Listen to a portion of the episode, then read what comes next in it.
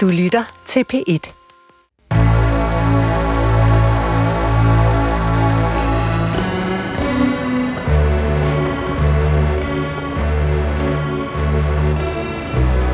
Du har ringet til Hemmeligheder på P1. Tak for din hemmelighed. Vi lover at passe godt på den. Min hemmelighed er, at jeg har tænkt mig at score chefen til julefrokosten. Velkommen til Hemmeligheder. Mit navn er Sanne Sigal Ben Royal, og jeg har netop afspillet den første hemmelighed for den telefonsvar, du altid kan ringe til. Alt du skal gøre er at ringe på 28 54 4000, og så kan din hemmelighed blive til vores hemmelighed. Du kan også sende os en besked, og så kan vi gøre din skrift til lyd. Julefrokosthemmeligheden. Det er faktisk en genre. Den kan være sød, den kan være forventningsfuld, den kan være sprængfarlig, og den kan også være ulykkelig. Jeg har fundet ud af, at den, øh, den der opskrift, den består af kombinationen af alkohol og Last Christmas og fiskefilet. Og det er simpelthen øh, det, der er opskriften på hemmeligheder i december. Så ring ind alle I vidunderlige, lidt for fulde, hemmelighedsfulde mennesker. I dag skal vi tale om hemmeligheder, som egentlig ikke har super meget med øh, jul at gøre, og det gør måske heller ikke så meget, fordi måske har I allerede fået rigeligt. Og øh, til at tale om hemmeligheder i dag har jeg inviteret ingen mindre end radiovært og kulturformidler Rikke Kulin. Velkommen til programmet. Tak skal du have, Sande. Tak for invitationen. Hvordan har du det med hemmeligheder? Altså, jeg vil sige, jeg er dårlig til at holde på mine egne hemmeligheder. Øh, jeg har tænkt meget over det til i dag, og sådan, jeg vil gerne være enormt mystisk. Altså, jeg har sådan nogle idéer i mit hoved om, for eksempel, jeg har lige fået kat, og jeg var sådan, det vil jeg ikke sige til nogen. Der er ikke nogen, der skal vide det. Og det første, jeg gør efter at have fået ham, det er bare sådan et lille billede på Instagram. Altså, jeg kan ikke styre det. Jeg må bare ud med øh, alt det, jeg har inde i. Jeg vil super gerne være mystisk, men jeg kan ikke. Øhm, så jeg er ret dårlig til at have hemmeligheder. Nu kan man sige, det at have en kat behøver ikke være en hemmelighed, vel? Men det kan være alle mulige ting. Altså, fordi du har lyst til at have noget sådan for dig selv, og den der mystik. Hvad er den mystik bundet op på? Altså, hvorfor har den længsel mod at være mystisk? Jamen, fordi jeg ikke er det. Altså fordi jeg gerne vil være det, fordi jeg bare er sådan en... Øh, når jeg øh, har en følelse, så kan man se det på mig. Jeg kan ikke gemme noget indeni. Så jeg kan heller ikke... Altså, jeg, folk kan se på mig, når jeg er ked af det, eller glad, eller sådan noget, fordi jeg er så udtryksfuld, tror jeg tit, og øh, super verbal også, så jeg kan simpelthen ikke holde noget inde i mig. Det er så nemt at spotte, så jeg tror, det er det, der er længslen efter at kunne være den, der sådan, uh, hvad er hun for en? Og det er bare sådan, man kan bare læse, om du er, er mega vred lige nu over, at jeg har øh, sagt det der. Øhm, så jeg er virkelig dårlig til selv at have mine egne hemmeligheder. Synes jeg øh, sådan, elsker at høre andres hemmeligheder. Øh, øh, ikke, altså, jeg synes ikke, der er så mange, der fortæller mig hemmeligheder. Det ved jeg ikke, om det sådan afspejler. at de tænker, når du taler så meget om dig selv, øh, og ikke kan holde på dine egne hemmeligheder, så kan du nok ikke holde på mine. Men ej, får en her og der, vil jeg sige. Øh, og er god til at holde på dem. Det er meget sjovt, fordi folk jo tit plejer at sige, åh, folk de henvender sig altid til mig med de her hemmeligheder, og så skal jeg holde på dem. Og også fordi det kan jo også være en ret stor byrde at holde på hemmeligheder øh, for andre. Men ja, måske er det fordi, jeg tror folk elsker dig jo meget højt, og måske tænker de bare sådan, det vil jeg ikke bebyrde noget. Altså fordi det kan også være virkelig tungt. Det kan det, og du siger faktisk noget, som jeg tror også interesserer mig. Altså, jeg, det der med, sådan, om jeg vil gerne være mystisk, fordi jeg ikke er det. På samme måde, mange af de relationer, jeg har, det er folk, der er enormt sådan, konfliktsky og ikke er gode til at tale om, hvordan de har det. Så rigtig mange af mine relationer, om de er altså venskaber, familier, romantiske, der oplever jeg faktisk tit, at folk sådan, altså, jeg, jeg møder personlighedstyper, eller sådan dem, jeg kan lide, dem, jeg bliver venner med, eller bliver forelsket i. Det er folk, der sådan, jamen, det holder jeg bare for mig selv. Altså, det, det er faktisk et mønster, jeg har lagt mærke til de seneste par år, og det er jo... Jeg og så tror, sidder du bare og deler. så sidder jeg og deler, ikke? så vi, øhm, vi rammer måske hinanden meget godt. De gider godt at høre på det. Jeg gider virkelig også godt høre på, hvad de har at sige. Øh, men jeg tror tit, jeg bliver sådan fascineret af folk, som netop er i godsøjne mystiske, og ikke på den der... Ja, præcis. Hemmelighedskrammeriet. Men så er det jo perfekt, at William lidt skal ind i øh, andre folks hemmeligheder. Ej, jeg glæder mig så meget, fordi de har ikke noget valg. Nej, det har de ikke. Og øh, måske er det derfor, skal vi bare tage øh, programmets første hemmelighed. Min hemmelighed er, at jeg har hørt min kæreste tale om en hemmelighed, jeg tror, hun har over for mig. Hun fortalte sin veninde i telefonen, da jeg stod i bryggersædet og lige var kommet hjem, at hun ikke synes, at jeg er den, hun forelskede sig i. Det gør virkelig ondt, og jeg er ikke god til at tale om mine følelser eller være i konflikt. Og det er altså ikke, fordi I skal have ondt af mig. Jeg fik bare en mavepuster af at have hørt den hemmelighed. Det er jo ikke en hemmelighed, den her person jo egentlig har selv. Det er en hemmelighed, den her person har overhørt. Og nu er det så blevet en del af en hemmelighed, som den her person er, altså er jo er en aktiv del i, fordi at personen er omdrejningspunktet. Altså, jeg får sådan helt knude i maven, fordi jeg tror, at alle på et eller andet tidspunkt har hørt nogen sige noget om dig, hvor du var til stede, som det ikke var meningen, du skulle høre. Og nogle gange er det måske, ej, det er så irriterende, når øh, Rikke siger det der, men at din egen kæreste siger noget, der er altså så hårdt mit, jeg kan, mit hjerte. Ja, ens hjerte. Ja. Og, det, og især ens hjerte, når der bliver sagt, det er ikke fordi, I skal have ondt af mig, hvor det er sådan, jeg forstår fuldstændig, at man ikke søger med lidenheden, mm. men nogle gange er det jo også okay egentlig, og det kan være, så må I jo ringe ind, men sådan, jeg har faktisk ondt af dig, fordi det er sindssygt hårdt øh, at høre noget om sig selv fra en, som man har et stor tillid til, mm. øh, der siger noget til nogen, og det skal man holde lov til, men vi ringer jo alle sammen til vores veninder eller vores familie og siger noget om den øh, person, vi er i forhold, og det håber jeg, at folk gør for at ventilere en gang imellem. Og det er måske ikke alt, personen skal høre, men det er jo klart, at når det er noget så fundamentalt, som jeg tror faktisk ikke min kæreste kan lide mig mere, eller min partner ikke kan lide mig mere, så er det jo altså heartbreaking. Ja, fordi det, der bliver sagt, er jo et form for tillidssvigt, altså, eller kæmpe øh, tillidsbrud egentlig. Øhm, men jeg hæfter mig også ved, at vedkommende siger, at øh, den hverken er god, eller de hverken er gode til at tale om følelser, og også er konfliktsky. Og det er jo også bare, nu, det var også lige det, vi nærmest snakkede om før, ikke? Og det er jo sådan, når man så overhører det der, og det er noget, man virkelig har brug for at tale om, så ja, så imploderer det jo nærmest også, og jeg tænker også, altså det, der er hårdt ved at høre sin kæreste sige, det er jo, det er i hvert fald det første spørgsmål, der popper op i mit hoved, det er, hvorfor har hun ikke sagt det til mig? Altså, hvorfor føler hun ikke, at hun kan sige det til mig? Og måske har han lidt svaret selv ved at sige, øh, jeg er ikke god til at tale om følelser, jeg er konfliktsky. Så det er måske det der med, at kæresten ved, jamen hvis jeg siger det til dig, så, så, så kan vi ikke have en, en snak om det. Og det er jo der, hvor dårlig kommunikation, og det er jo det evige parforholdsspørgsmål, er det en fælles ting? Altså jeg mener sådan, her bliver sagt, jeg er ikke god til at kommunikere mine følelser. Det kunne være, man skulle se på det. Men det der med sådan, at være konfliktsky og ikke være god til at kommunikere sine følelser, det er vel også en fælles ting. Altså jeg mener, det kræver jo også en tillid. Den er der så tydeligvis heller ikke. Eller sådan, så hvad kom først, hønnen eller ægget? Eller sådan. Så det er jo også svært med de der parforholdsdynamikker. Altså, det er selvfølgelig svært, hvis begge er konfliktsky, og begge ikke er gode til at tale om følelser, men det er, også sådan, det er jo også et fælles ansvar på en eller anden måde. Og her der er det bare blevet meget den her person, der stod ude i bryggerset og hørte det her ansvar. Ja, og det er jo også okay at have nogle hemmeligheder over for sin kæreste, eller have nogle situationer, hvor man sådan er vildt dårlig til at kommunikere, man bare godt ved, det her, det skal vi bare aldrig snakke om, fordi at hver gang så slår vi os på hinanden. Men når det er noget, der er så fundamentalt som det her, så er man jo nødt til at snakke om det. Øhm, så jeg tænker faktisk allerede det at sådan ringe ind og sige det højt, er et kæmpe skridt i retning mod at sige til sin kæreste, prøv at høre, jeg har simpelthen hørt det her, og det gør mega ondt. Og det behøver nærmest ikke engang være mere end det, fordi så tænker jeg også, at kæresten jo bliver nødt til at reagere og fortælle, hvad, hvad der foregår. Og så må de, ja, så er det jo del med kommunikation, der skal i gang her. Og, altså, jeg synes, det er noget af en opgave, de står overfor. Øhm, men jeg tænker i hvert fald, at første skridt er allerede taget ved at sige det højt til os, ikke? Telefonsvaren kan jo ikke løse øh, øh, parforholdsproblemer eller nogen som helst andre problemer i virkeligheden, men det er tit en stepping stone, som man siger på dansk. det er jo det der med at få det lige sagt for første gang, og så kan man jo prøve den af, og så øh, kan man jo gøre det lige inden jul, eller man kan vente til januar. Det er jo en spændende, på den måde en spændende måned, hvor alt spidser til, øh, fordi der er nogle ting i et bryggers, man ikke kan åndhere. Det her det er nok en af dem.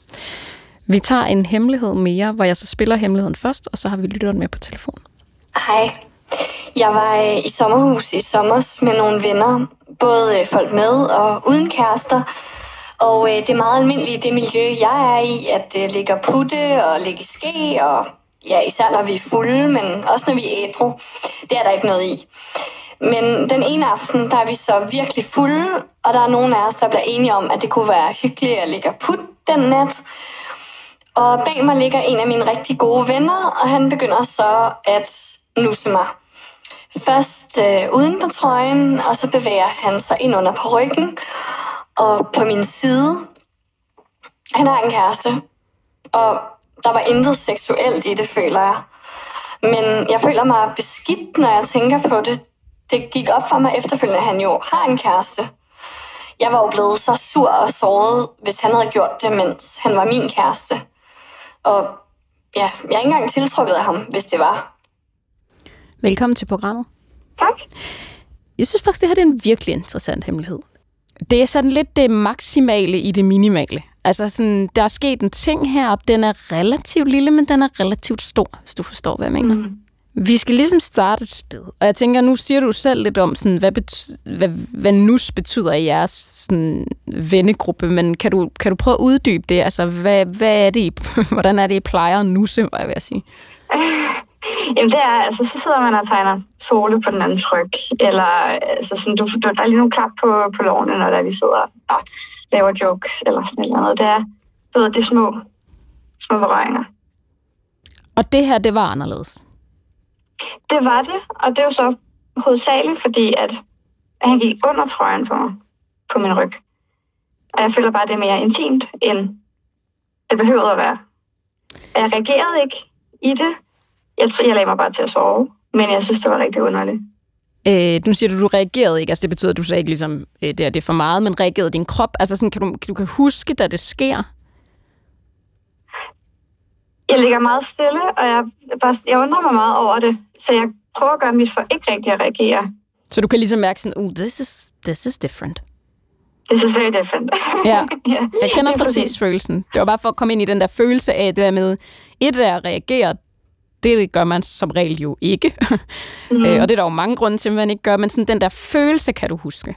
Den der sådan, Ja, det er mærkeligt. Ja. Synes du, altså, synes du, det var grænseoverskridende? For jeg kan godt, øh, jeg synes også, det er sådan en kæmpe limbo, vi er i lige her, og øh, altså, relaterer enormt meget til den der, sådan, når der sker en forandring øh, i en situation mellem en ven, og man er sådan, hvad var det her? Men var det, var det grænseoverskridende? Altså, jeg vil da ikke gøre det igen, eller sådan. Øh, og jeg vil også have frisk på, at det ikke skete igen. Jeg har ikke, altså, vi har ikke ligget skidt siden, øh, hvilket også er noget af det. Altså, jeg har taget lidt afstand. Øh, fordi jeg føler ikke, der er noget, jeg bedt om. Giver det mening? Altså, Ja. jeg, jeg afviste heller ikke, altså ikke nej eller noget, men Det jeg giver synes, det fuldstændig rigtig mening. Altså, det giver Ja, fuldstændig mening. Den der følelse af, du siger jo også selv, du er egentlig ikke tiltrukket af ham. Nej, overhovedet ikke. Det er også det jeg der med... det var rigtig underligt. når der er noget, der er usagt på den måde, fordi at øh, der er ligesom øh, et nyt land, der er på en eller anden måde blevet betrådt her, som ikke er, altså der er jo ikke præcedens for, at det sker, så hvordan skal man også reagere i den situation? Også når man har sådan hele det her, altså gråzone, jeg synes det er fantastisk at høre, at der er en vennegruppe, der er så kærlig, det kender jeg mange voksne vennegrupper, der ikke er, og man har sådan berøringsangst i mange sammenhænge. Altså jeg har tit snakket med mine venner om sådan, vi burde nusse hinanden meget mere. Det er jo sådan super dejligt. Vi er jo, altså da man Det gik er i så hyggeligt. ja, da man gik i børnehave og folkeskole og sådan noget, lå man jo inde i puderummet og rørte hinanden hele tiden og krammede og legede og løb, løb, altså løb rundt. Det gør vi jo ikke som voksne på samme måde. Men altså det der med sådan at tage afstand fra det og ikke sige det højt, det tænker jeg også kan skabe sådan på sigt konflikt. Altså, det er ikke fordi, han er den, jeg ser mest, og mine andre relationer har ikke rigtig taget skade eller sådan et eller andet. Øhm, så det er kun i forhold til ham, og mest bare fordi, jeg føler, det var ikke, det er ikke sådan, vi, altså, giver det mening? det er ikke sådan, vi gør. Ja. Ja. vi, har, vi har den måde, vi er sammen på, og vi nusser, og vi er kærlige, men det er ikke sådan der.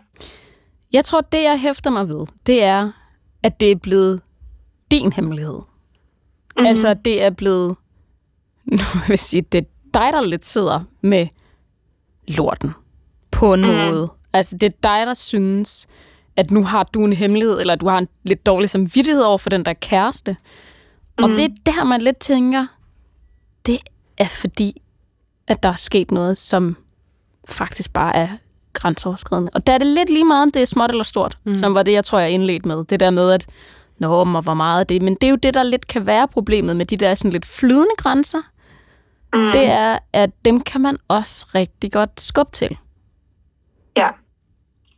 Jamen, det er det, fordi hvis der er man bare sådan, Nå, men han nussede mig på ryggen, og det er vant, og vi er vant til, at vi nusser hinanden. Det er jo så egentlig en del af det. Det er bare, at ja, det var noget, det var anderledes, ikke? Så derfor, at der er helt klart en grænse, der er overtrådt, og det, det er jo også sandsynligt mest min. Ja, men det er ikke dig, der har gjort det. Nej, det er rigtigt.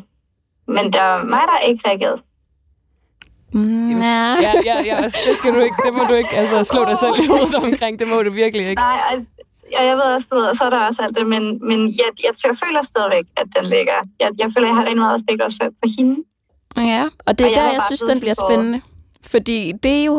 Og det forstår jeg rigtig godt. Og jeg kan også huske, at mine grænser er blevet overskrevet på den måde der. Mm. Men hemmeligheden, den er faktisk mest hans. Ja. Forstår du, hvad jeg mener? Ja, ja, det gør jeg. Men Han burde ringe herind. Burde han. øhm, men jeg føler også bare, at når det er, jeg ved, at hun er en kæreste, altså der er en kæreste, så har jeg også et lidt ansvar. Og jeg tror, det er det, jeg har taget mere på mig, end han har. Det lyder sådan, ja. Ja. Ja. Og jeg synes, og, når jeg, og jeg, jeg griner jo ikke, men når jeg, når jeg lyder som om, at jeg sådan lige prikker til ham lidt, så er det det der med, at jeg tror, de fleste, jeg kan se på min producer regime, jeg sidder over for Rikke, og jeg selv mm. kender præcis den her situation. Ja. Så er det fordi, det ender altid med at blive vores hemmelighed. Fordi så er der også alt det med søstersolidariteten. Mm. Og så er der alt det der... bla, bla, bla. ja. Men det her, det er ham, der har haft hånden op under din trøje. Mm. Altså, Jamen, det er rigtigt nok. Jeg, nu snart sta- startede vi programmet med at øh, tale om, at jeg ligesom ikke kan holde ting inde i. Og altså, det der med sådan søstersolidariteten, den, øh, den er jeg også 100% på. Men jeg vil, altså jeg ved ikke, om du overhovedet har lyst til det, men jeg vil sige til ham, Marker, det er ikke i orden det her, og måske skulle du sige det til din kæreste. Ikke den der trussel, altså det er ikke sådan en trussel om, hvis du ikke siger det, så siger jeg det, men faktisk, fordi det netop er hans hemmelighed. Fortæl om, det her er din hemmelighed, det er ikke min. Ja, altså i hvert fald, hvis du føler, at du har brug for at nu siger du jo, du har sådan der øh, ikke snakket med ham siden, øhm, så mm. det skal jo også kun være, hvis det ligesom er noget, du sådan føler, han har, altså sådan skal vide. Og sådan, mm. det var ikke i orden, du overskred en grænse, hvis du kan overskue sådan den konfrontation på en eller anden måde. Det kan også bare, bare, bare være, at han benægter og siger, øh, nej, der var ikke noget i det, det var bare under trøjen. Altså, den kender man også. Ja. Den kender vi alle sammen. Der bliver også øh, nikket over på den anden side af bordet. Men ligesom fortæl ham, at det er hans, og det ikke mm. er din. Jamen, det er. Det havde jeg ikke tænkt over. At jeg ligesom kunne give den tilbage. Ja, nogle gange så skal man skubbe øh, øh, hemmeligheden tilbage til hemmelighedsejeren, ja. øh, for lige selv at trække vejret. Men øh, har du fortalt det til nogle af de andre i vennegruppen? Nej. Jeg var bange for dynamikken. Altså sådan, hvad ville de tænke om det alting? Hvad ville, det, hvad ville de synes? Jeg vil håbe, bange for at blive dømt. Jeg vil håbe, ja, det forstår jeg. Ja, øh, om jeg kender.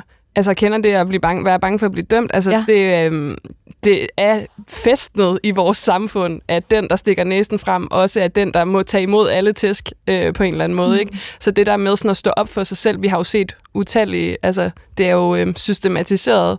Øh, nu har vi haft øh, i Danmark tre år med MeToo øh, for at hive den ind, og har set, hvor mange gange sådan systematisk øh, sexisme, organiseret sexisme er blevet negligeret øh, på alle niveauer øh, i organisationer, i medier osv. Øhm, så bare det der med øh, i det små, og også i nære relationer. Jeg kender også det der med at sådan sige, det var ikke i orden, jeg har fået min grænse overtrådt, og så faktisk opleve, at når jeg har sagt det også til kærester, at de ligesom mm. er sådan så handler det mere om, at det var synd for dem, at jeg fortalte, at min grænse var blevet overtrådt. Ej, det var i hvert fald ikke min intention. Nu får jeg det helt dårligt over, at du siger det. Altså, så man skal bruge tid på at trøste den, der ligesom har været den, der har overtrådt grænserne. Øhm, så jeg bare sige, at jeg forstår godt det der med sådan at stikke snuden frem i sin vennegruppe og sige, mm. øh, det her var faktisk ikke i orden, og så være bange for ikke at blive mødt. Øhm, Og så potentielt også være den, nu taler vi jo af årlang erfaring ved at være en kvinde, være den, der siger det i en vennegruppe, hvor man så, åh, er det en opmærksomhedsting, eller er det en, vil du prøve at skabe splid i den her gruppe-ting, eller er du ude på at sætte ham her i et dårligt lys? Kan du genkende nogle af de ting? Ja, lige præcis. Og det var meget det, jeg har gået med. Hvordan bliver man mødt? Og jeg bliver nok mødt fint. Altså, eller helt fint. Det er rigtig gode venner, jeg har omkring mig. Jeg er rigtig, rigtig heldig. Øhm, jeg tror bare, man går ind i sig selv. Og jeg går ind i mig selv i hvert fald. Jeg overtænker det. Ja. Måske gør du. Måske var det godt, at du alligevel lige ringede, synes jeg. Det er i jeg glad for, at du gjorde. Ja, det er jeg også. Og du, jeg vil sige, overtænkning føler jeg også er sådan et begreb, man har sat på for folk, der sådan reflekterer over livet. Altså det er sådan, ej, du overtænker. Nej, Jeg, jeg bruger bare sådan min hjerne til at sådan gennemgå, hvad jeg lige har oplevet. Øhm, så jeg synes ikke, du har overtænkt overhovedet. Okay, tak. Var det de ting, du tænkte, vi ville sige til dig egentlig? Jeg har gået og været lidt nervøs, faktisk. Netop fordi det der med, og hvad hvis man bliver dømt og sådan noget. Jeg ved, at det, er et meget åbent rum, og det er ikke fordi, I sidder og dømmer og alle de der forskellige ting, men man er altid bange for at være sådan, og fuck man, hvad nu hvis de synes, at jeg bare er det værste menneske, der har eksisteret nogensinde. Hvordan var det at høre, at vi synes præcis det modsatte? Det var meget let med. Det var, det var godt. ret at blive bekræftet. Ja. Nå, tak fordi du ringede. Jeg tror, øh, alle jeg kender, kvinder, og helt sikkert mm. også mænd, har stået i sådan en situation her. tak fordi I lyttede. Ja. Det er altid spændende det der med, hvor opstår hemmeligheden, og hvem skal egentlig ende med at tage den? Altså, hvem skal ende med at sidde med den? Ja, som du siger, man, altså, eller som vi kom ind på, det der med, jeg føler altså godt, man kan skubbe den tilbage igen og sige, det er ikke min, den her. Eller sådan, jeg vil ikke være den, der bærer ansvaret her. Fordi det er jeg ikke. Og også det der med sådan at kunne sige det højt, også over for sig selv på en eller anden måde, og blive bekræftet i sådan, det er ikke mig, fordi man kan godt komme til at sådan fuck lidt med sin egen hjerne nogle gange, og netop, nu bruger vi det her begreb overtænke, ikke? Altså det bruger jeg også selv rigtig meget.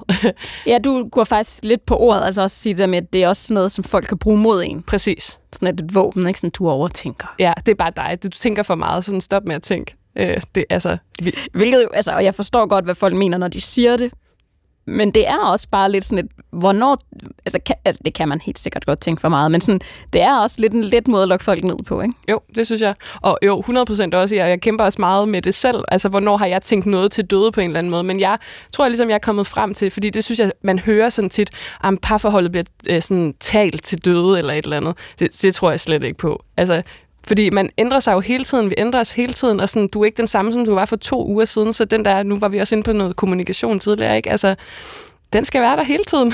også når man kender hinanden og tror, at øh, øh, din partner eller din ven siger det, du ved, de altid har sagt. En dag kan det være, at de siger noget andet, og så skal du være klar til at ikke at sige til dem, øh, jeg kan slet ikke kende dig, øh, fordi de er jo sig selv, men sig selv i en ny udgave, eller hvad man skal sige, ikke?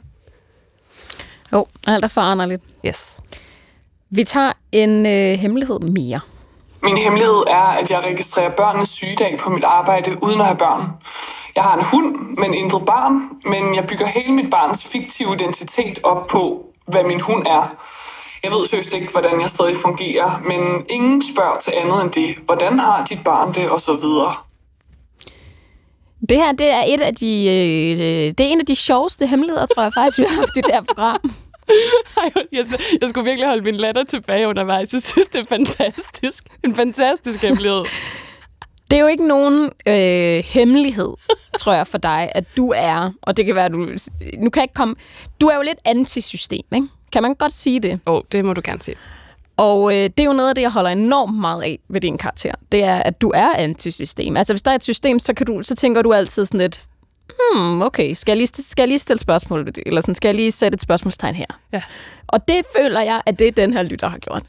Jamen, altså, der er en person her, der har hacket systemet. Præcis. Jeg synes, det er altså fuldstændig vidunderligt, og jeg må bare sige, jeg tror også, at det er jo ikke kun for ligesom at sådan, øh, hvad skal man sige, Ja, men sådan øh, snyde systemet, det, jeg håber også, det er, fordi personen virkelig elsker sin hund.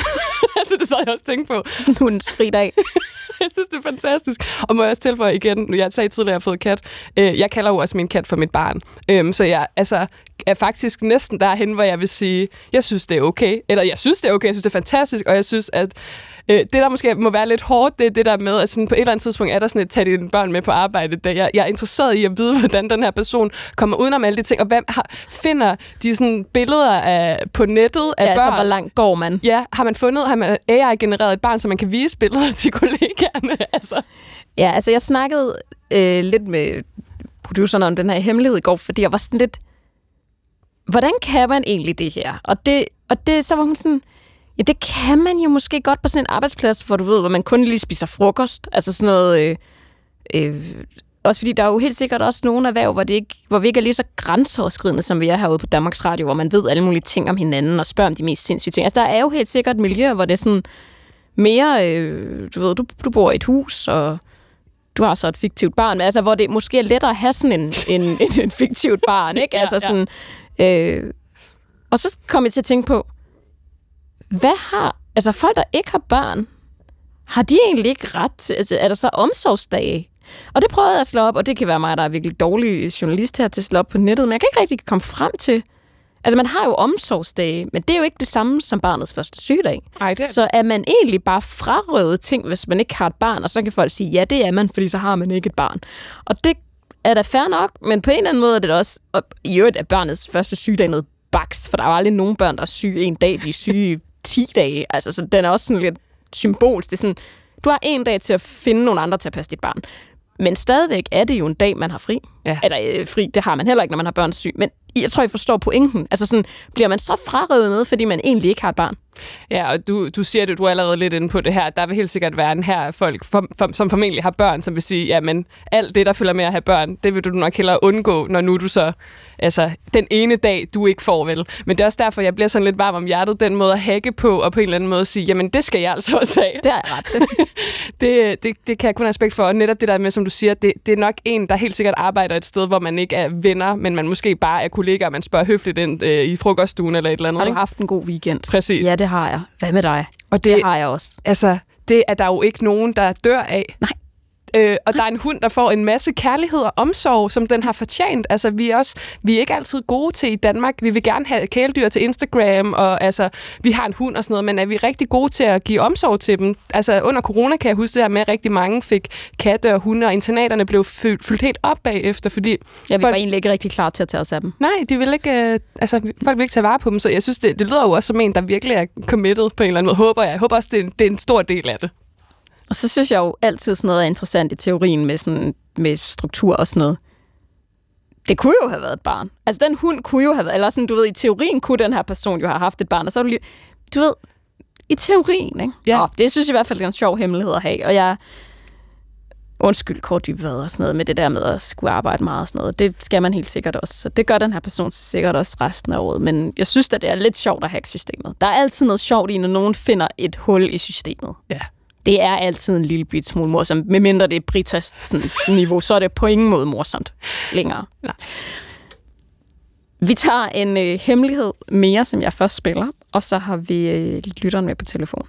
Jeg er misundelig på min lille søster. Øhm, jeg synes, hun er smukkere, end jeg er.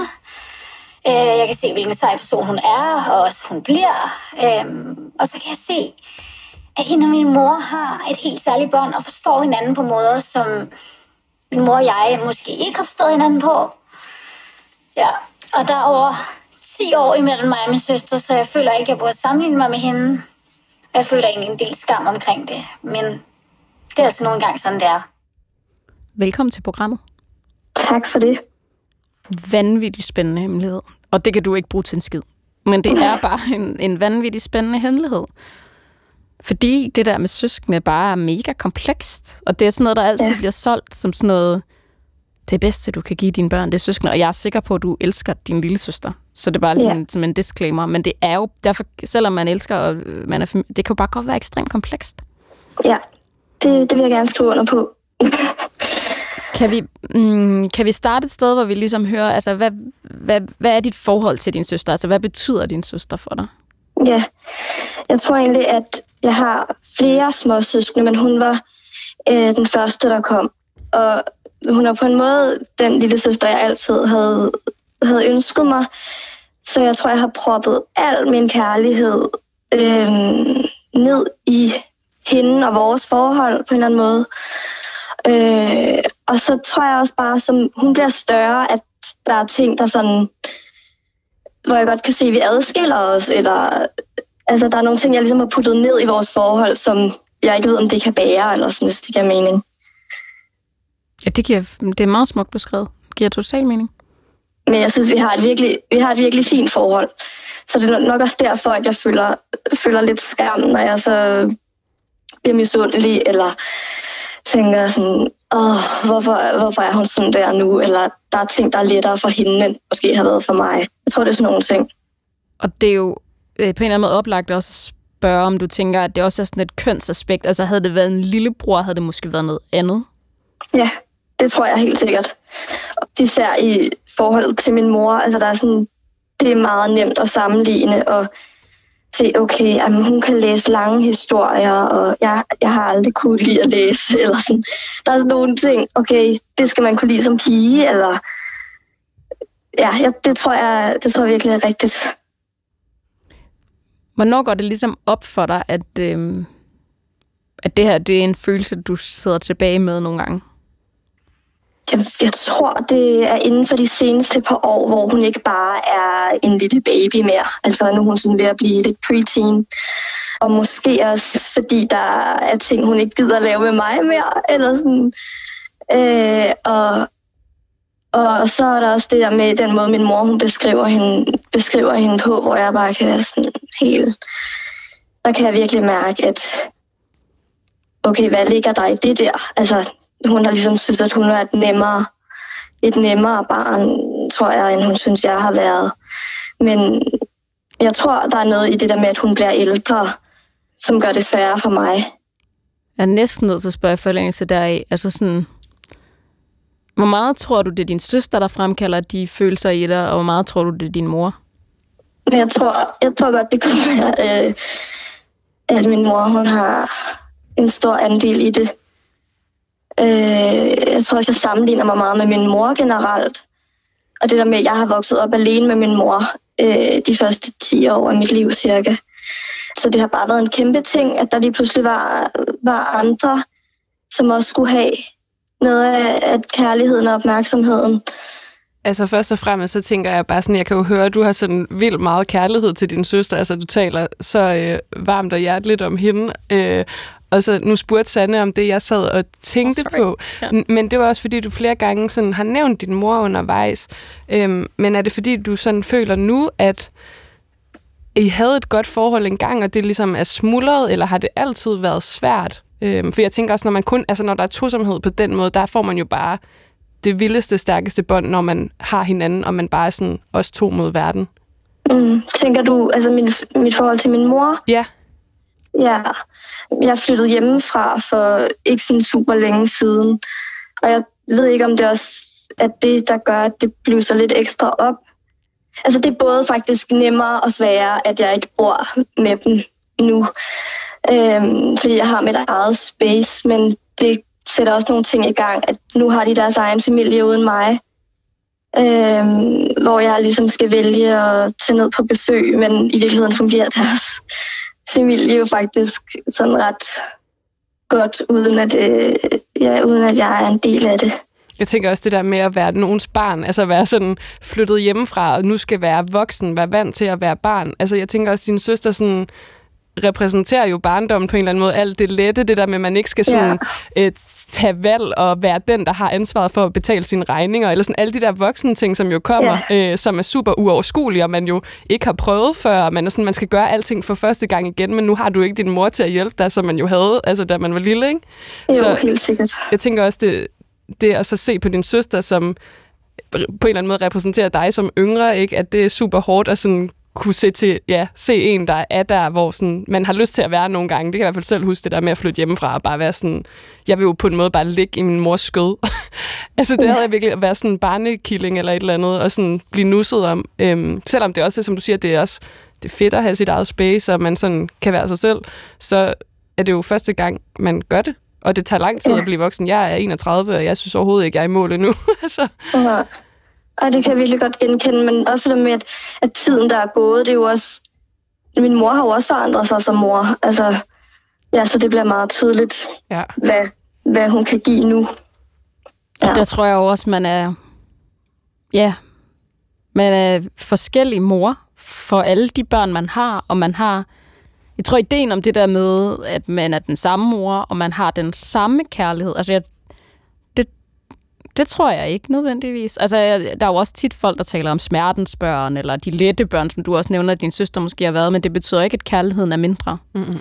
Den er bare anderledes.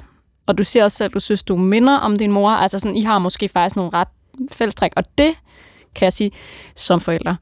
Det kan jo nogle gange faktisk næsten være sværere, end hvis man får et barn, hvor man ikke kan genkende sig selv, så er det måske sådan lidt en lettere relation, men den anden relation kan jo egentlig være dybere. Ja. Hvis det giver mening. Ja, men jeg er heller ikke i tvivl om, at... Men spejlingen kan være ja. svær. Ja, ja.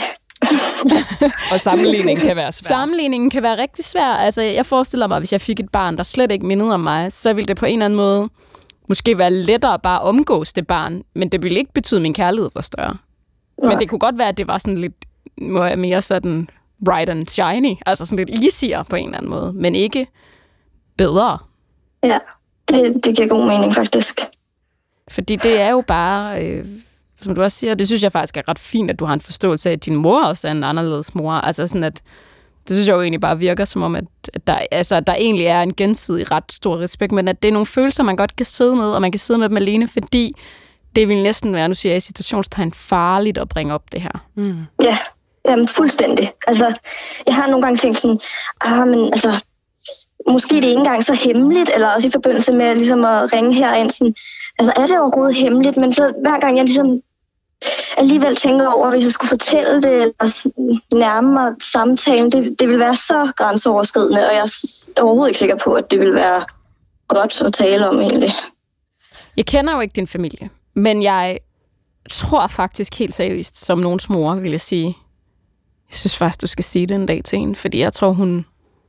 Jeg tror slet ikke, hun aner, at det her, det eksisterer i dig. Nej.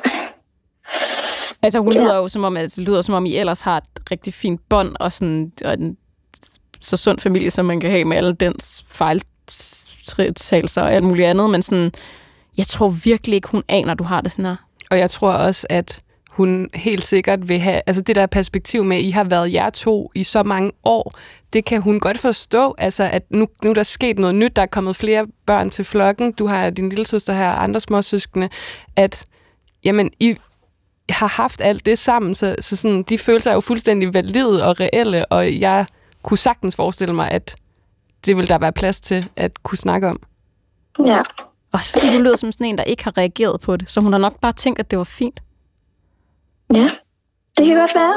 Altså, du har ikke modsat dig, du har ikke været sur, du har ikke været vred. Altså, du ved, den, ja, der kunne man jo godt forestille sig, at ens barn havde reageret, hvis der lige pludselig mm. kom alle mulige forandringer og sådan noget.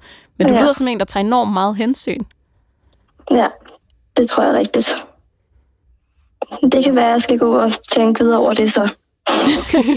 Det behøver du ikke, men jeg tænker, at den der sådan, det kan godt være, hun slet ikke har tænkt, hun har slet ikke reageret på det. Hun er jo bare sådan en sød, omgængelig, kærlig person. Og det er ja. du jo også, men det betyder jo ikke, at man ikke godt kan sige det, eller sige sådan, gud, jeg har lige de her følelser. Man, kan, man er stadigvæk et ordentligt og et venligt og en god søster. Øh, altså, Ja. Ja. de to ting kan godt samme eksistere jo. Mm. Tak fordi, at du ringede. Men selv tak. Jeg elsker gode hemmeligheder. Jeg bliver faktisk bare aldrig træt af det. Det er simpelthen nødt til at sige. Og der, det er vildt så mange forskellige slags hemmeligheder, der er ikke. Altså sådan fra øh, barnehund til øh, svære følelser i familien. Det, det, det kan virkelig gå mange steder hen, ikke? Jo, jo, jo, men det er jo også, altså hvad er en hemmelighed, ikke? Altså sådan, eller det der med, at man har hørt noget, som nu er blevet ens hemmelighed. Altså sådan, hemmeligheder er på den måde øh, konstante. Selvom at jeg tit tænker, at nu har vi hørt dem alle sammen. Det har vi ikke. øh, og derfor tænker jeg også, at vi skal tage en hemmelighed, som på mange måder måske egentlig er en klassiker, men der er jo altid øh, nye perspektiver. Min hemmelighed er, at jeg er forelsket i min kollega. Hun er så smuk, at jeg ikke kan koncentrere mig, og hun er så sød, at jeg glemmer alt om min kone og mine børn. Jeg tror ikke, at jeg kunne finde på at gøre noget ved det her, men jeg har brug for lige at sige det inden julefrokosten. Hun er yngre end mig, og hun er single, og hun har ikke børn. Og jeg ved, at I vil vende, om hun er interesseret i mig, men jeg ved det virkelig ikke. Jeg sagde jo, at julefrokosten var en genre. Og det øh, er jo, fordi det er det. Og det har noget at gøre med, hvad var det, jeg tror, jeg synes opskriften var noget med wham og fiskfilet. Og helt klart også snaps. Så derfor kan jeg godt lide egentlig, at der er en bevidsthed om her, sådan, okay, julefrokosten står for døren, det ved jeg, at det kan kreere den her situation. Mm. Det er trods alt en bevidsthed. Fordi her er ligesom et, jeg siger ikke, der er et magtforhold, det lyder ikke som om nogen har et ansvar, altså man, der er ikke noget med, at det her det er en chef, og det her det er en blablabla. Men der er alligevel den magtforskydning på den måde, at den ene er single, og den anden har en familie. Så det er jo sådan en, det er lidt mere, mm, der er potentielt øh, en skævvridning. Det er der absolut, øh, men kado til på en eller anden måde øh, at ringe herind og sige det højt, det, og som du også lidt er inde på, det er også lidt en forsikring for sig selv, øh, og vedkommende ser jo også her, jeg, jeg tror ikke, jeg kunne finde på at gøre noget, altså det er også en, der har samvittighed, øhm, men det, altså jeg må bare sige, som en, nu har jeg ikke børn selv, men har haft kærester, og øh, været i forhold og skulle til julefrokoster på arbejdspladser, hvor der har været kollegaer. Jeg har ikke nødvendigvis været forelsket i dem, men alle bliver sødere, når man har fået to snaps. Sådan har jeg det i hvert fald. Øhm, og jeg øh, kan, og det behøver ikke engang være julefrokost faktisk. Altså, jeg har haft crushes uh, all over the place. Det, det synes jeg, man skal have i løbet af et forhold. Ellers så, ja, det ved jeg ikke. Så er man måske også bare øh, uh, arty, Det kan også være, der er nogen, der er. Men jeg crusher løs, når jeg er sammen med nogen. Og det er som om, at jeg føler, at jeg bliver mere attraktiv af, at hey, jeg er elsket, og jeg elsker nogen. Øhm, så på en måde, så føler jeg, at den her person, der sådan ringer ind, også er super sådan, øh, hvad siger man, vel tilpas i sit forhold og i sit liv, at kunne være forelsket i en kollega. Det lyder jo ikke som om, at øh, han ikke elsker sin kone og børn.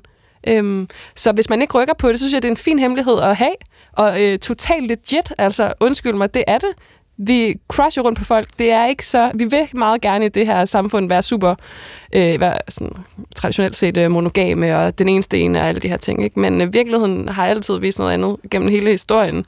Øhm, og det, jeg synes, der er allersmukkest, altså som sådan, også tiltaler mig, og sådan, øh, har jeg selv været det meste af tiden, det er at gå og crushe på nogen, og så ikke gøre noget ved det, fordi det er altså også en fantastisk spændende følelse at have i maven.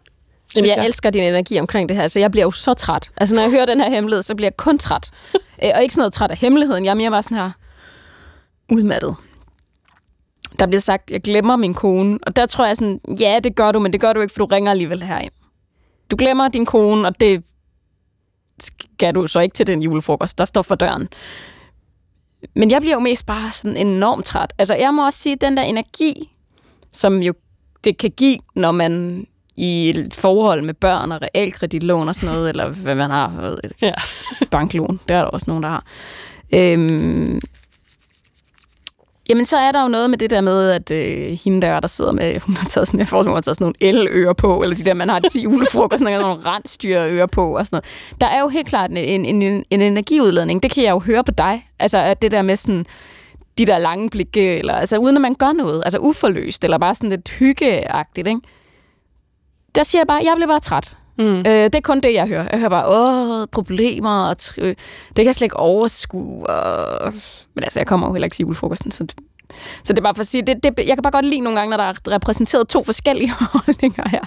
Det siger helt klart øh, helt mere om mit øh, state of mind, end det gør om, øh, om det her. Det er det er bare den taget med, fordi det er en klassiker. Ja, det er det. Det er det en julefrokost klassiker. Om der bliver gjort noget eller ej, det tror jeg er lidt 50-50. Der kommer måske også an på mængden af Last Christmas og Snaps sted, ikke? om det sådan også er en variabel på en eller anden måde. Man kunne være sådan en Matrix-ting. Men hvornår sker der noget, eller hvornår sker der ikke noget. Og det kommer også an på, hvor interesseret er personen, og hvor interesseret er den, der bliver lagt... Det er en helt sådan julefrokost-matrix, som vi måske skal lave. Det kan være, du skal lave den i virkeligheden. Det kan godt være, at jeg skal lave den, men jeg vil også bare lige sige, at den kan også skifte for mig hurtigt, fordi hvis der bliver gjort noget, så vil jeg synes, det er super ærgerligt. Altså, så synes jeg også, den tager dig lige sammen-agtigt. Altså, det er godt at få afladet, men ikke hvis du så bagefter altså, skal have mere at spise, eller hvad man skal sige. Men jeg kan godt lide, og det behøver, nu siger du, den julefrokost-klassiker, jeg føler faktisk, det er en forholds- og livsklassiker. Og for mig personligt i hvert fald, så, øhm, så er det rart at vide, at sådan at have de der følelser, men aldrig rykke på dem, fordi det kan bare give nogle dynamikker nogle gange, og, sådan, og ja, noget energiudladning også på en eller anden måde. Øh, så igen, Matrixen, altså der tror jeg også, der, der er et sted, hvor jeg vil være sådan, åh, kedelig hemmelighed, hader. Men, øhm, der er et sted mellem fiskefilet og snaps, og sådan er det. Og jeg glæder mig til øh, at høre på telefonsvaren i aften, eller i morgen, eller hvornår I går til julefrokost derude, hvordan sådan nogle her, de ender. Ja. Øh, og det grund til, at jeg siger, at det er en klassiker, det er jo, fordi det er det. Det er også en parforholdsklassiker. Øh, men julefrokosten er bare katalysatoren tit, ikke? Fordi det er så hyggeligt. Vi tager en øh, julehemmelighed mere. Min hemmelighed er, at jeg er så bange for, at juleaften bliver pinlig.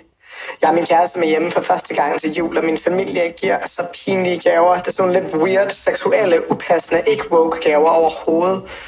Min hemmelighed er, at jeg overvejer at smide nogle af dem ud. Det er mig, der plejer at skulle lægge gaverne under træet, og så kunne jeg bare sige, at de var blevet væk. Ja, altså, øh, jeg skriver weird, seksuelle, ikke woke-gaver. Kan vi komme med nogle eksempler? Er ja. det en stor dildo, eller hvad? Ej, det tror jeg alligevel ikke. Jeg tænker...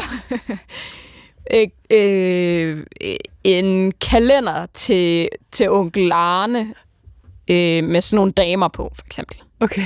Altså sådan nogle, ned sådan en nøgenkalender, jeg ved ikke engang, hvad sådan noget hedder. Jo, det hedder det, tror jeg. Eller øh, sådan, altså du ved, sådan nogle gaver, eller sådan noget G-streng til mor. Ej, det ved jeg ikke. Men sådan noget, du ved, sådan nogle, hvor det er sådan lidt, det her, det havde jeg ikke behøvet at se, agtigt. Eller sådan, sådan nogle gaver, hvor det er sådan lidt, hø, hø. Hvor man også måske i nogle familier vil synes, det var sjovt, og hvor man har synes, det var sjovt, og nu tiden fra en ny generation måske bare ændrer sig lidt. Ja. Og så er der jo også altid det der med, at når man har nogen med hjem til jul, så ændrer blikket sig jo så også, fordi man ser det igennem nogle andres øjne. Og det er jo det, der er tilfældet her. Det er sådan noget, jeg skal se det her igennem ikke bare mine øjne, hvor jeg ligesom kan være sådan her, det her det er stadigvæk ikke sjovt, det har det ikke været de sidste 20 år, men du skal se det igennem en andens øjne. Jeg synes, det er lidt vildt det der med, at hvert eneste år er der hø-hø-gaver. Altså, er, det, ja. er man blevet enige om, hvad ønsker vi os? Vi skal, altså, sender man en ønskeliste med de der, øh, hvad var det, weird, seksuelle, ikke woke gaver, som man gerne vil have? Det er sjovt, altså, fordi de fleste, der sådan laver ønskelister til jul, det er jo fordi der er et eller andet, man mangler. Det er den gryde, man mangler, eller de sokker eller et eller andet, ikke? Men er det sådan, ej, nu, nu jeg har ikke flere øh, ja, kalenderen, kan man sige, den skal jo, der skal jo være en ny hvert år, ikke? Tror du ikke bare, det er sådan nogle drillegaver? Altså dem der, hvor du ved, hvor man sådan, nu giver jeg den her til onkel Bjarne, og det bliver, det bliver pinligt for ham. Altså der er jo også nogle gange sådan en kultur i en familie, hvor det er sådan noget, jeg kan godt lide at sætte ham lidt på, på øh, du ved, ikke på pinebænken, men sådan, jeg kan godt lide at få ham ud på glatis, mm. følelsen. Og det er der jo nogen, der synes er enormt sjovt. Mm. Øh, jeg jeg synes altid sådan noget bliver betegnet lidt som sådan onkelhumor, hvilket også er lidt unfair bare altid at være sådan her, det er onklen. Undskyld til alle onkler derude, det er jo ikke jer alle sammen. Men sådan den der sådan lidt, øh, som, som vores generation ofte vil være sådan her, åh, det er sådan lidt en boomer ting. Ja. Hvilket jeg også synes er for simpelt. Altså fordi det er sådan, hey, sådan er mine forældre for eksempel ikke. Jeg tror, at kæresten Øh, jeg vil ikke gemme de der gaver væk. De skal se familien, som den er, og tage den pinlighed med. Altså, det, det tror jeg, jeg er på det hold. Du øhm. tænker ikke den der... Også fordi det er jo sådan en damage control. Ja. Så jeg forestiller mig, at man sidder hele aften, man har den her kæreste med hjemme. Og det eneste, man kan tænke på, det er det der tidspunkt, hvor man skal hen, hente de gaver, man tror er pinlige, og så hvor kylde dem i skraldespanden, eller hvad? Eller sådan. Det er bare sådan en hemmelighed, som jeg totalt godt forstår men som lavpraktisk bliver sådan lidt nærmest filmisk. Mm. Ja, det er meget en scene fra en eller anden øh, julefilm, ikke? Jo. Men man kan jo også simpelthen forberede sin kæreste og sige, du skal vide det her, øh, og det ja. håber jeg okay. Og, og jeg har altid, det der du også lidt var inde på før, selvfølgelig er der noget underligt i at tage nogen med hjem, og pludselig har man det her blik udefra på sin familie. Det er jo også et super intimt sted, og det er det sted, man er vokset op.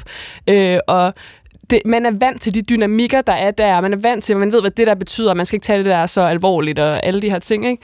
Øhm, så jeg kan godt forstå sådan den der, oh, sugen i maven, fordi det er også på en måde sådan en selv, der også bliver, altså tæppet bliver revet væk, ikke?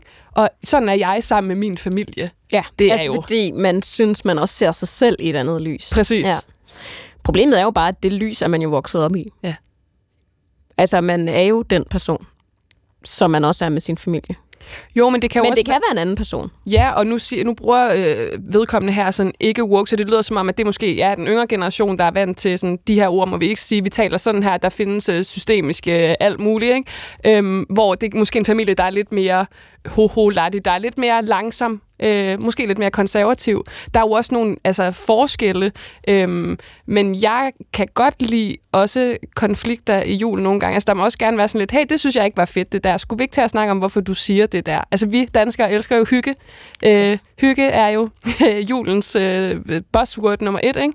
Øh, og der er ikke noget som en lille sådan diskussion i juletiden, der også lige kan sådan... Øh, stir it up, ej, nu siger jeg det på engelsk, hvad hedder det, sådan ryste posen på en eller anden måde derhjemme.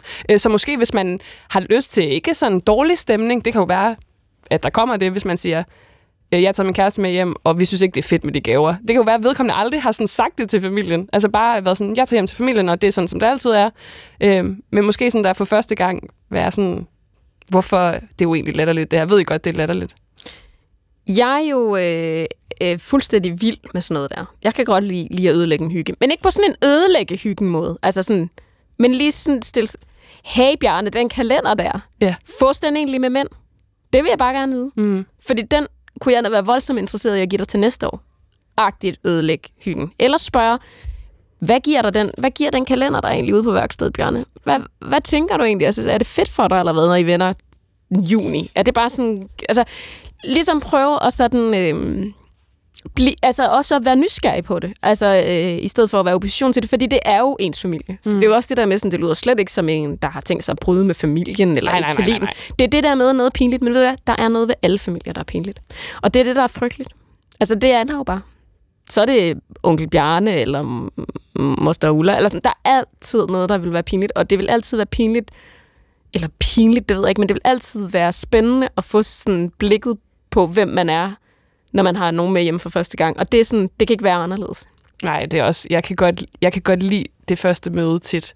Øh, jeg kan godt lide, det er sådan, man bevæger sig ud på dybt vand og glat is, og ikke ved, hvad der kommer ud af det her, og ikke ved, om, om din partner har lyst til at være sammen med dig efterfølgende. Ikke? Altså, ej, så, jeg vil ikke sige, så stor, fry, stor en frygt har jeg ikke haft før, men det der med, at du bliver vir- altså, det er virkelig et, ja, spejlet ind i dig som person, og det, du er vokset op i, så kan det godt være, at du ikke har de samme holdninger som din familie, eller øhm, øh, ja, øh, stemmer noget andet, whatever, alle de her ting, ikke? Altså, sådan er det jo tit, øh, og generationsforskelle, tror jeg, er blevet endnu tydeligere de seneste, ja, bare sådan 5-10 år med sådan hvor meget digitaliseringen og sådan sociale medier har gjort ved vores bevidsthed og måden, vi sådan der er unge på i dag versus vores lidt ældre forældre og sådan noget. Altså det, der er så generationsforskellene er virkelig tydelige.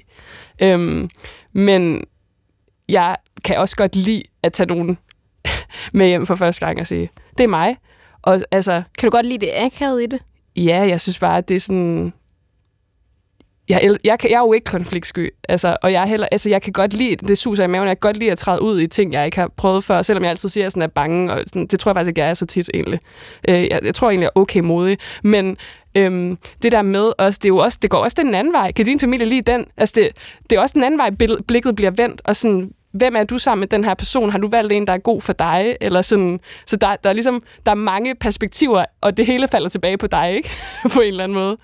Øhm, ja, så jeg synes, det lyder som en spændende jul. Øh, og jeg vil også gerne høre opfølgningen her på, hvad der så blev gjort, og hvordan alle reagerede, og om det var konfliktens vej, eller om det var øh, de sjove spørgsmål, eller om det var, vi gemmer det hele væk. Og jeg vil sige, det der med at fjerne gaverne, altså respekt for ideen, det lyder svært at udføre. Øh, så jeg tænker også, der er en anden vej ud af den her hemmelighed, men den er sjov. Altså, ideen om, at du står der og prøver at finde ud af, hvad det er for nogle gaver, der er pinlige, øh, ud fra æsken eller indpakningen eller sådan noget, det synes jeg er vildt sjovt. Og så smide dem ud, hvorhen, eller sådan, jeg elsker, at skal de kastes ud af vinduet først, og så løber du ud af huset og samler dem op, eller sådan. Der er alle mulige sådan spørgsmål i mit hoved, men jeg, jeg giver altid, øh, jeg, jeg, jeg bøjer mig altid for sådan ihærdigheden. Mm. Men øh, jeg tror, den er svær at udføre. Ja. Det var faktisk også programmets sidste hemmelighed. Men du har taget en hemmelighed med til os jo. Mm. Du var lidt sådan, jeg aner ikke, hvad hemmeligheden er, men du sagde, jeg har lidt to. Ja. Jeg kunne gå mellem den fjollede, øh, og også lidt vanvittige, har jeg lyst til at sige, og så en meget eksistentiel hemmelighed, som jo øh, nok er det, jeg sådan bevæger mig mest i sådan til daglig. Altså de store tanker, hvem er jeg, og hvem er vi, og hvad skal vi her i verden, ikke? Men med det, vi har talt om i dag, og sådan som vi sluttede før, så føler jeg, at energien er til den første, og jeg får faktisk en kriller i maven, at jeg skulle sige det nu.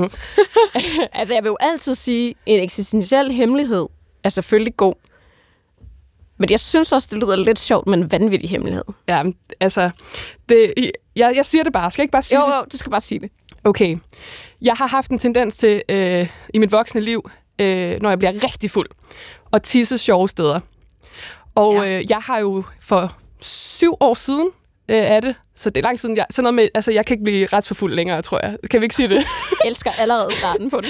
øh, der var jeg til julefrokost på Danmarks Radio, fordi at jeg øh, var praktikant på B6 Beat. Og øh, jeg bliver utrolig fuld til den her julefrokost. Ikke, øh, jeg gør ikke noget grænseoverskridende over for nogen. Og så alligevel lidt, fordi jeg har til den julefrokost for syv år siden tisset inde på en højtstående chefs kontor, fordi der var optaget på toilettet, og det tilfældigvis lå lige i nærheden. Og, øh, altså, jeg, ved du, hvem den her person er? Ja, ja, ja. ja. jeg ved, hvem den her person er. Den her person havde... Jamen, jeg ved ikke om... Jeg kan nok ikke komme for meget ind på, fordi Nå. måske ved man på, hvem det er og sådan noget, men jeg var bange for, at den her person havde kamera på sit kontor, og vi ville få sådan en fælles mail om mandagen, hvem har pisset på mit kontor. Den fik vi aldrig, og jeg tror måske bare, at den er blevet taget i rengøringen, den her, og det, der, der er aldrig blevet opdaget. Hvor men, tisser du hen? På gulvet. Altså, bare i et hjørne. Jeg var så fuld, Sanne. At du tænkte ikke lige på at tisse i en spand? Eller hvad? Det var der ikke derinde. Jeg, jeg, jeg, altså i min hjerne, og det er jo nok det, der er med den her hemmelighed og mig, der sådan, det jeg ikke så tit længere, jeg er blevet voksen, det var meget sådan start 20'erne ting. Men det, jeg synes, det var så sjovt i min hjerne at tisse sjove steder. Jeg har også engang tisset på et gulv til en, i, en, i nogens lejlighed til en housewarming, fordi der var så lang kø til toilettet. Og det skammer jeg mig over, det vil jeg gerne sige. Men den her hemmelighed med, med Danmarks Radio og den her øh, højtstående chef, det morer mig. Og nu føler jeg, at der er gået så lang tid, at vedkommende ikke kommer efter mig, hvis de skulle opdage det. Og, eller hvis de ved, der var en, der tissede på mit kontor, og nu ved jeg, hvem det er. ja, nu ved de så, hvem det er. Det er måske også fint nok, men der er på et eller andet... Jamen, der er noget, der... Altså, prøv at, jeg ved ikke om tis, det må man helt sikkert ikke. Det man må, må man ikke tisse på nogens kontor. Man må faktisk i det hele taget ikke tisse, tror jeg. Tisse på gaden? Nej, præcis. Mm-hmm. Så det, og det er jo også en ulovlighed. Du tisser på systemet. Ja. det? Du har tisset på systemet. Det er vel det. Og jeg vil gerne lige tilføje her, det var jo nok bare sprit, der var i mit blod. Det har jo været rent. Jeg har jo måske gjort det gulv lidt rent. Og så er det også, de gulve, der er, er jo sådan nogle blanke øh, klinker. Så det er jo ikke noget, der er sivet ned i undergrunden. Eller er det ikke ude i tæppe? Nej, nej, nej, nej. Så, altså, Undskyld til rengøringspersonalet, faktisk. Og det, ved du hvad, det er faktisk, jeg sad lige og tænkte på, det er godt, du siger det, fordi det er faktisk det, jeg sådan tænker mest på i den her sag, det er, at der har været nogen inde og set den her pøl og skulle gøre den ren. Øhm, og det vil jeg gerne undskylde for. Jeg tror ikke, jeg kommer... Jeg, jo, jeg siger også undskyld til vedkommende, men jeg kan godt lide din analyse af det med systemet. Det kan jeg.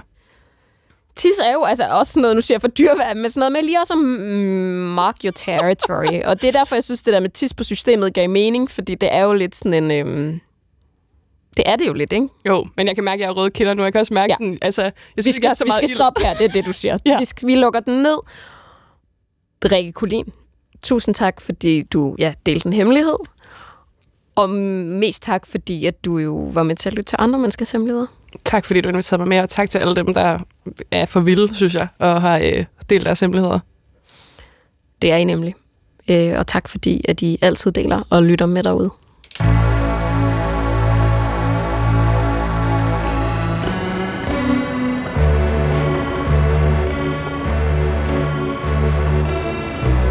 Du har ringet til Hemmeligheder på P1.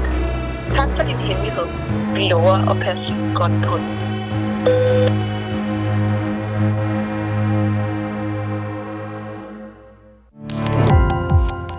Gå på opdagelse i alle DR's podcast og radioprogrammer. I appen DR Lyd.